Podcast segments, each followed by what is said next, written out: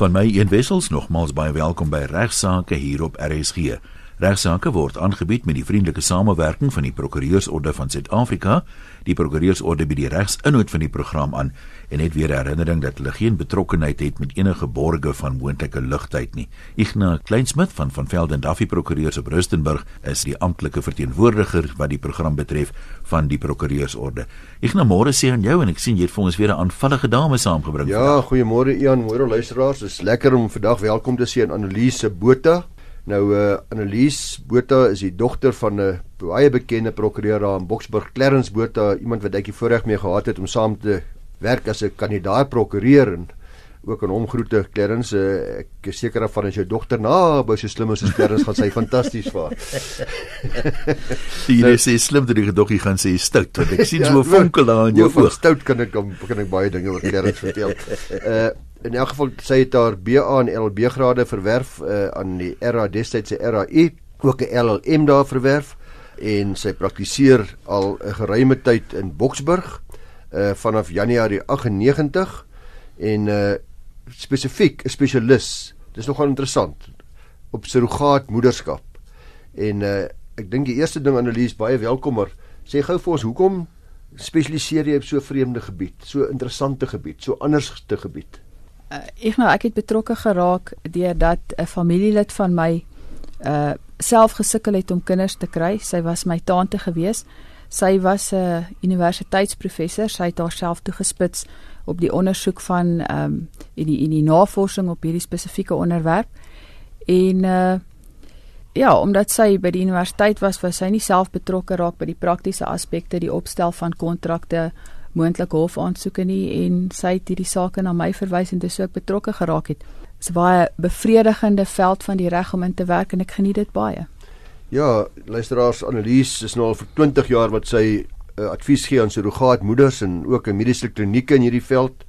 Uh so 'n ware spesialis. Net om weer vir u te sê, surrogaatmoederskap bied 'n alternatief vir ouerpare of enkellopende mense wat kinders wil hê wat biologies aan hulle verwant is maar wat om een of ander rede, mediese redes, nie self 'n swangerskap kan dra of aan 'n kind geboorte kan skenk nie, miskien oor erflike toestand aan die kant van die voornemende moeder wat 'n swangerskap of geboorte gevaarlik maak, dikwels is ook een van die redes vir vir die moeder of vir die kind gevaarlik, uh, of waar dit fisies nie moontlik is nie want beide ouers van dieselfde geslag is, is dit ook moontlik om na surrogaatmoederskap te kyk en uh, dan word daar dan van 'n surrogaat, 'n plaasvervanger gebruik gemaak, wat dan is draer van die ongebore kind kan optree. Uh Annelies, wat is die verskil tussen kunsmatige inseminasie en dan nou surrogaatmoederskap? Net in kort, wat is want die luisteraars raak soms dink 'n bietjie de mekaar met hierdie begrippe. Kunsmatige inseminasie is waar die manlike selle of die spermselle direk in die geslagsorgane van die vrou se liggaam ingeplaas word. Dit word gewoonlik gebruik waar die voornemende moeder self die swangerskap kan dra en self geboorte kan gee. Die onderskeid met surrogaatmoederskap is dat surrogaatmoederskap word gebruik waar die voornemende moeder nie self kan die swangerskap dra of self kan geboorte skenk nie. En wat dan gebeur in die geval van surrogaatmoederskap is dat die uh, genetiese materiaal van die voornemende moeder uh en die voornemende vader of die voornemende partye buite die surrogaatma se moeder gekombineer word en die produk daarvan of die embrio word dan in die liggaam van die surrogaatmoeder ingeplaas wat dan die swangerskap dra en dan ook geboorte skenk. Annelies, jy sal onthou uh, ek het baie jare terug, ek praat van dekades terug met jou oor hierdie onderwerp gesels. Toe was dit nog 'n baie vreemde en 'n baie nuwe onderwerp, maar dit is nie heeltemal nuut in Suid-Afrika. Daar het ook dinge gebeur intussen, nê. Nee. Ek nou toe ons laas gesels het, ehm um, was daar geen wetgewing in plek nie wat ons gedoen het is ons het uh maar basies die Kanadese en die Engelse model nagevolg waar ons 'n kontrak opgestel het tussen die partye en waar die verhouding tussen die partye uitsluitlik deur die inhoud van die kontrak gereguleer is. Uh sedert 2010 het die wetgewer gepoog uh om die kwessie van surrogaat moederskap in wetgewing vas te vang en dit darm so bietjie te reguleer. Dit is nou deel van die kinderwet. Dit is 'n spesifieke hoofstuk in die kinderwet en hierdie wetgewing bepaal dan wat die vereistes is wat partye aan moet voldoen indien hulle graag van surrogaatmoederskap wil gebruik maak. Wanneer is die eerste kind suksesvol gebore in Suid-Afrika met surrogaatmoederskap? Uh, so lank gelede as 1987, dit was die tweeling wat gebore is in Tsanin en in daardie geval was dit die ouma wat opgetree het as die draer van die die van kinders. weer gewees? Ek dink hulle was Jorge Ferreira gewees. Ja, ek Ja. onthou dit goed. Ja. Baie luisteraars sal ook dit onthou as dit al die tydskrifte was vol daarvan gewees en ek het later gesien toe hulle 10 jaar, weet elke keer as hulle verjaar, het jy weer die die fotootjies gesien in die in die koerante en in die media. Ja, ek dink dit het mense redelik aangegryp. Eh, sonder om te tegnies te raak, maar ek dink dit is belangrik net om weer vir ons te sê presies wat is 'n surrogaatmoeder? Surrogaatmoeder uh volgens die wet is iemand wat 'n ooreenkoms aangaan met voornemende ouers om by wyse van kunsmatige bevrugting 'n kind vir die voornemende ouers in die lewe te bring. Uh die doel is om hierdie kind by geboorte aan die voornemende ouers te oorhandig en die idee is dan dat die voornemende ouers vir alle wetlike opsigte die wettige ouers van hierdie kind sal wees. Dis daar statutêre vereistes oor wie dan as so moeder kan optree as 'n surrogaatmoeder. Die statutêre vereistes as 'n mens wil optree as 'n surrogaatmoeder is eerstens dat 'n persoon of dat 'n vrou ouer as 18 jaar moet wees, sy moet gedomisileerd wees binne die Republiek van Suid-Afrika. Uh sy moet ten minste 'n geskiedenis van een bevalling hê en sy moet dan ook een lewende kind ten minste van haar eie hê. Wat uh, vir my genoop het om weer bietjie met jou kontak te maak om te hoor om hierdie program saam met ons te kom aanbied was toe ek gelees het dat een van ons bekende skeieregters, uh, rugby skeieregters, Jonathan Kaplan, uh, surrogaatpa ge- sou word en dink intussen al reeds geword het as ek dit nie mis het nie. Toe het ek gewonder wie kan as voornemende ouer of ouers van 'n surrogaatmoeder gebruik? Wie kan wie kan almal in ander woorde kind kry deur middel van surrogaatskap deur iemand anderste? Enige persoon ouer as 18 jaar, gedomisileerd binne die Republiek van Suid-Afrika. Uh dit is beskikbaar vir pare van die teenoorgestelde geslag, pare van dieselfde geslag, ook beskikbaar vir enkellopende ouers. Die enigste vereiste hier is dat daar 'n 'n mediese rede moet wees waarom 'n persoon nie self 'n swangerskap uh of 'n bevalling kan hanteer nie en hierdie rede moet van 'n blywende en permanente aard wees. Met ander woorde, 'n mens kan dit nie bloot gebruik vir gerieflikheidsoorwegings nie. As ons nou tyd kry gaan ek later vir jou vra ook bietjie oor aanneming. Maar wat my nou interesseer is by aanneming word daar baie mooi gekyk of ek geskik gaan wees as 'n ouer. Ja. Ek wat nie 'n kind kan kry nie of nie mag kry nie of om een of ander rede nie wil 'n uh, natuurlike geboorte proses kry nie. Maar is dit nie ook so by surrogaatmoederskap? Jy kan enige ding wat sê hoorie, al wat ek moet doen met die ooreenkomste aangaan, moet daar ook gekyk word na die geskiktheid van die voornemende surrogaatouer. Ja, een een van die vereistes vir 'n geld of vir 'n surrogaatmoederskap ooreenkoms om geldig te wees en vir die mediese praktisyns om hoegenaamd mediese behandeling te kan begin toepas, is dat die ooreenkoms eers goedgekeur moet word deur die afdeling van die Hooggeregshof waar die voornemende ouers woonagtig is.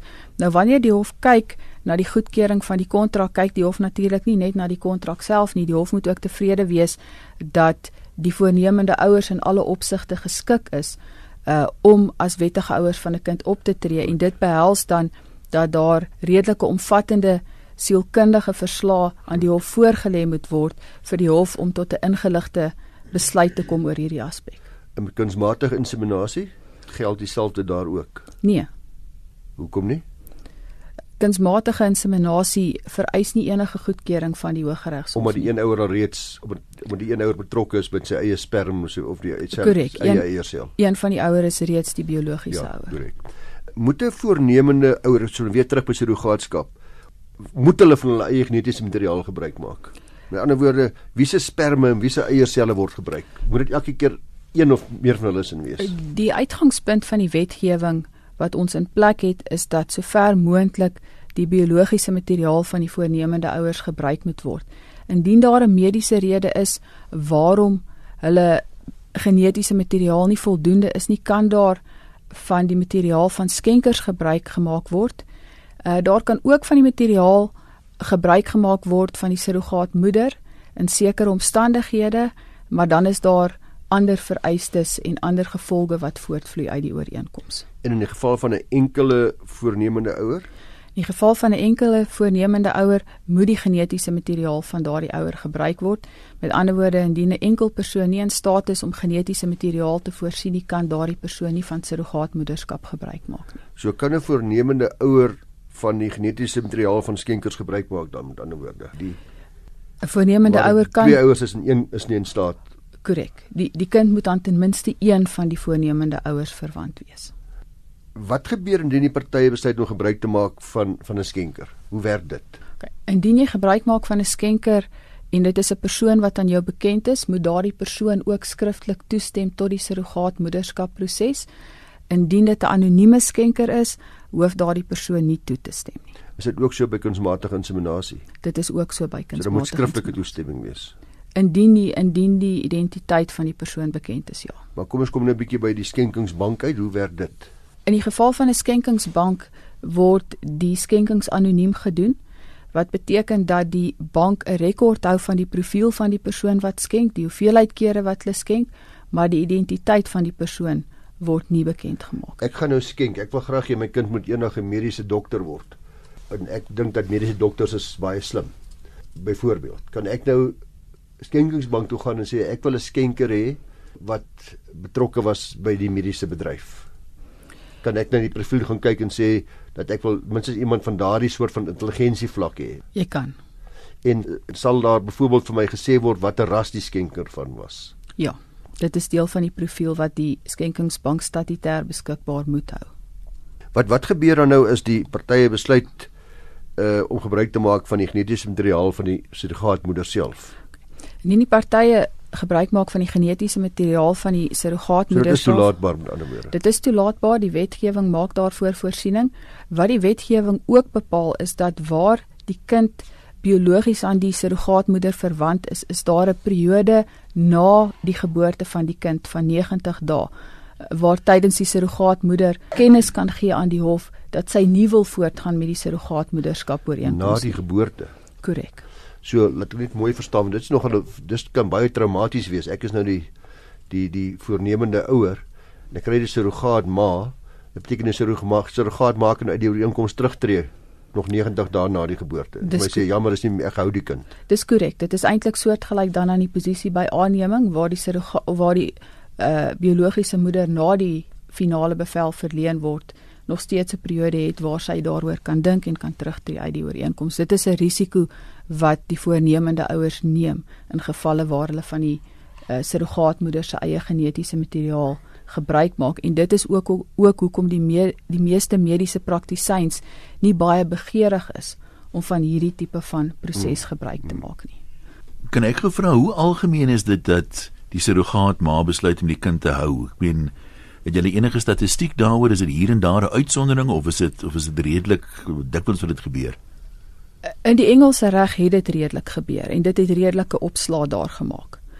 Die saak van uh, Baba M het 'n groot probleem veroorsaak want wat gebeur het is dat die surrogaatma daar teruggetree het en dat die biologiese pa toe die hof moes nader om toegangsregte te vestig vir homself. Soos ek gesê het hier by ons uh, van die begin af was die mediese praktisyns nie juis te vind vir hierdie tipe van surrogaatskap nie en het hulle dit eintlik aktief ontmoedig. So dit is redelik skaars en waar die surrogaatmoeder se genetiese materiaal gebruik word, is die sielkundige assessering van die sielkundige ma van die grootste belang. En maak ons daar ernstig staat daarop dat die professionele persoon wat haar assesseer baie mooi kyk na haar geskiktheid hmm. om die proses te ondergaan en haar stabiliteit natuurlik ook uh, emosionele stabiliteit. En ook die stabiliteit van haar familie en uh wat haar uh omstandighede is hoeveel kinders sy reeds het tot watter mate sy voorberei is om die proses sielkundig te hanteer. Is dit meer algemeen dat mense wat reeds kinders het as surrogaatmoeders optree? Ja, die wetgewing sê dat 'n persoon ten minste een lewende kind moet hê om hoegenaamd te kwalifiseer om as 'n surrogaatmoeder op te tree sosiaal met Annelies Botha, 'n surrogaatmoederskap spesialis, prokureur daar van Boksburg. Annelies, uh, jy het gemeld dat daar moet 'n ooreenkoms wees tussen die voornemende ouers en die surrogaatmoeder. Uh, uh, ek neem aan 'n skriftelike ooreenkoms en waaraan moet hierdie wat die wetlike statutêre vereistes vir hierdie ooreenkoms?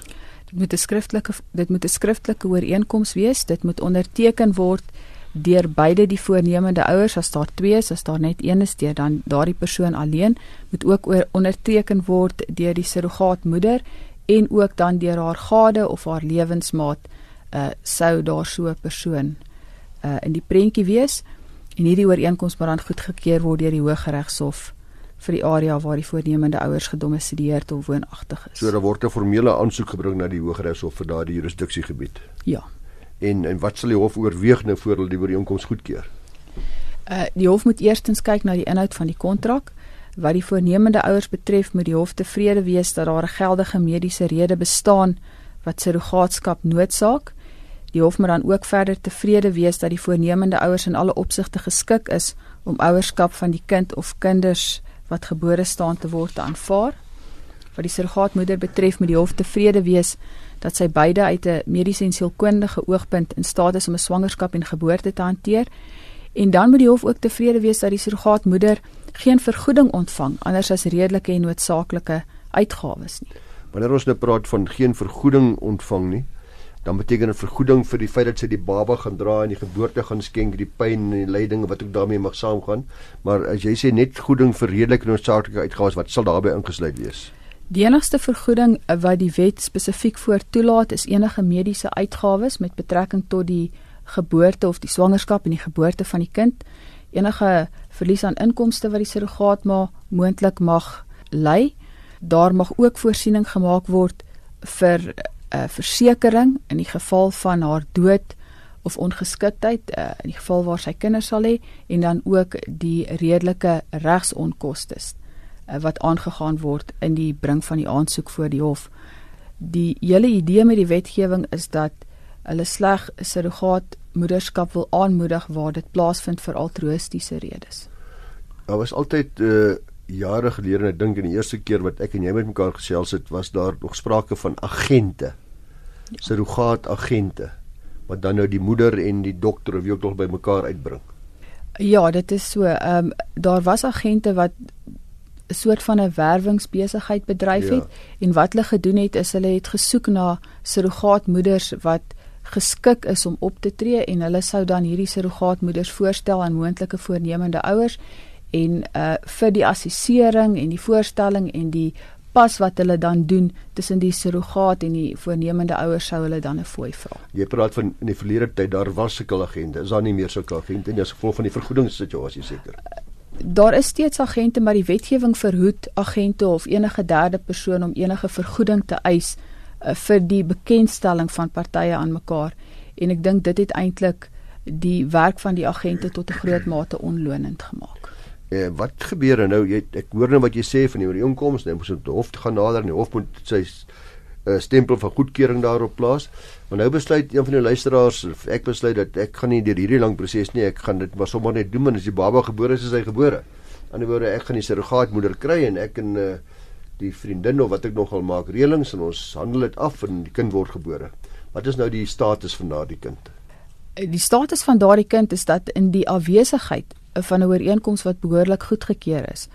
Um is dat daardie kind is dan die wettige kind van die surrogaatmoeder met ander woorde die moeder wat aan hom of haar geboorte skenk. Al het hy moeder geen natuurlike verbintenis met kind behalwe die geboorte wat geskenk is nie. In ander woorde is die moeder is nie die, is nie haar eie sel nie en is dit en daar's geen sy's nie natuurlike ma nie. Selfs in daardie geval ja. So goed, die kind kan dan nooit aan die die persone wat eintlik surrogaatmoeders wil weet gewetiglik behoort nie die kind kan nie op daardie basis aan die voornemende ouers behoort nie. Uh wat dan sal moet gebeur? Miskien moet ek net ook hier byvoeg dat die wetgewing sê spesifiek dat 'n mediese praktisyn nie enige kunsmatige behandeling mag begin alvorens die kontrak goedgekeur is nie. Waar 'n mediese praktisyn hierdie sou ignoreer, is dit verbode in terme van die wetgewing.